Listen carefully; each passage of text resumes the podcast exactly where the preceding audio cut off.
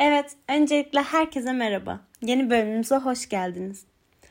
Bugün sizlere biraz Rönesans kavramından, bu dönemin nasıl bir dönem olduğundan, bu sürecin ortaya çıkış sebeplerinden ve dünya tarihinin etkilerinden bahsedeceğim. Sürekli Rönesans dönemi diyoruz ama peki ne demek Rönesans?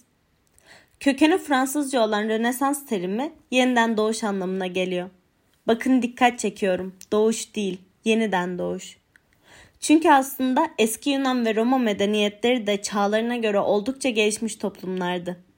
Ama Hristiyanlığın yayılması ve kilisenin halk üzerindeki baskısının sonucunda Avrupa bir gerileme dönemine girdi.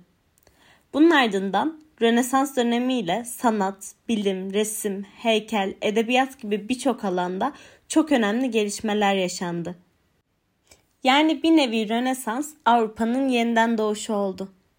Çok yerinde bir tabir olmuş bence. Tabi böyle kökten bir değişim bir anda oluşabilecek bir şey değil. Rönesans diye bahsettiğimiz dönem yaklaşık 14 ve 17. yüzyıl arasındaki 300 yılı kapsıyor. Peki nasıl başladı bu dönem? Araştırmacılar spesifik olarak bir yer söyleyemese de bu akımın ilk olarak İtalya'da ortaya çıktığı düşünülüyor. Bu dönemin başlamasını etkileyen birçok faktör var aslında matbaanın gelişmesiyle bilim ve yeni düşüncelerin büyük kitlelere ulaşması oldukça kolaylaşmıştı. Ayrıca pusulanın gelişmesiyle başlayan coğrafi keşifler de Rönesans döneminin başlamasında oldukça etkili oldu. Yine bu dönemlerde ortaya çıkan hümanizm fikir akımı da Rönesans'ın başlamasına temel oluşturdu. Başlangıçta da dediğimiz gibi Rönesans döneminin başlamasından önceki zamanlarda çok baskıcı bir yönetim vardı ve her şeyin temeline din oturtulmuştu. Bilim gelişemiyordu çünkü skolastik ve dogmatik düşünce hakimdi. Yazılan ve yapılan bütün eserlerde İncil'e uygun olmak zorundaydı. Yani sanatta insan merkezinden çok din merkezli bir anlayış vardı. Ancak hümanizm akımının ortaya çıkmasıyla beraber sanatta bir insana yöneliş başladı. Baskıcı yönetimden sıkılmış birçok sanatçı da bu akıma yöneldi. Ayrıca coğrafi keşifler sonucu Avrupa, Antik Yunan ve Roma dönemindeki eserlerle tanıştı. Bu eserlerin okullarda okutulmaya başlanmasıyla eğitim sistemi oldukça büyük bir değişikliğe uğradı. Ve bütün bunların sonucunda da daha yenilikçi ve özgürlükçü bir düşünce yapısı Avrupa'ya hakim olmaya başladı. Yine bu dönemlerde Avrupa'da halk arasında sınıflar da oluşmaya başlamıştı. Yeni oluşmaya başlayan aydın sınıfı sanata büyük bir merak duyuyordu ve Rönesans düşünce yapısının da çok büyük destekçileriydiler. Bu sayede bu fikir akımı hızlı bir şekilde yayılma imkanı buldu. Peki bu Rönesans dönemi geldi, geçti. Arkasında ne gibi izler bıraktı? Sonuçları neler oldu? Şüphesiz en önemli etkisi serbest düşüncenin önündeki engellerin kalkması, fen bilimleri ve pozitif düşüncenin gelişmesi oldu. Avrupa'nın sosyal yapısı da çok büyük ölçüde değişti. Halkın kiliseye olan güveni azaldı ve yüzyıllardır sarsılmaz olan kilisenin gücü büyük ölçüde zayıfladı. Felsefe, sanat ve edebiyatta yeni akımlar ortaya çıktı. Mimari oldukça gelişti. Reform hareketlerinin doğmasına da ortam hazırlanmış oldu. Tabi Rönesans'tan bahsedip de bu dönemin en büyük sanatçılarından bahsetmemek olmaz. Sanatın yeniden doğuşu olarak adlandırılan bu dönemde tabii ki benim de belki de saatlerce anlatamayacağım kadar fazla sanatçı ve eser var. Ben sadece size birazcık bu döneme en çok damgasını vurmuş sanatçılardan bahsetmek istiyorum. Botticelli ile başlayalım.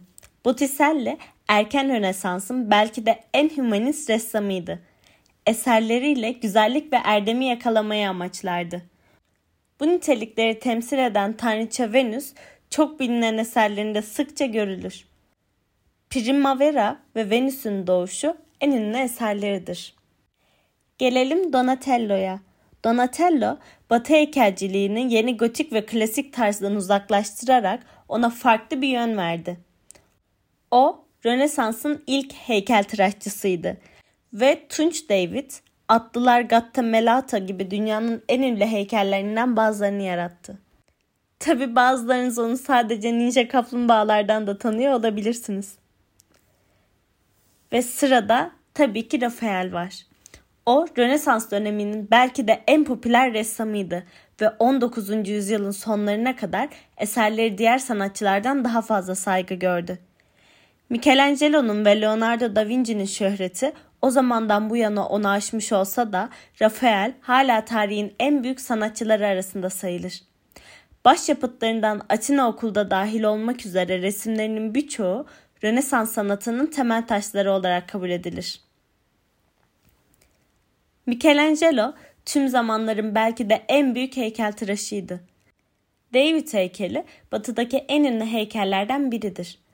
Ayrıca Sistine Şapeli'nin tavanındaki son yargılama eseri de onu tarihteki en büyük ressamlar arasına sokar. Peter Bazilikası ise Rönesans mimarisinin en ünlü eseridir. Ve son olarak tabii ki Leonardo da Vinci.